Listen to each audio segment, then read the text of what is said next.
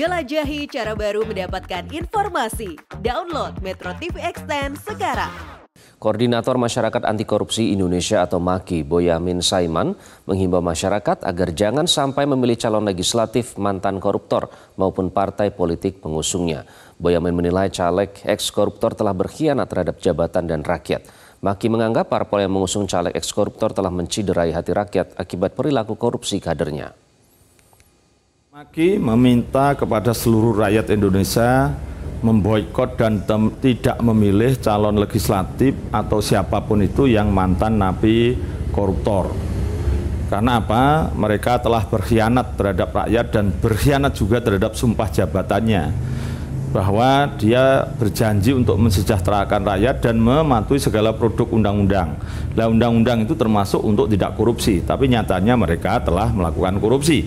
Dan itu sudah berdasarkan putusan pengadilan yang berkekuatan hukum tetap. Maka ini sangat mengecewakan ketika masih diperbolehkan atau bahkan ada yang berani maju dari mantan napi koruptor.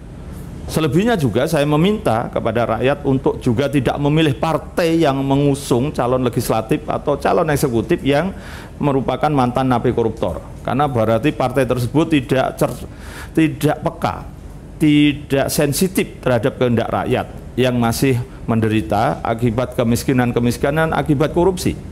Sehingga tidak layak lagi partai tersebut juga dipilih oleh rakyat.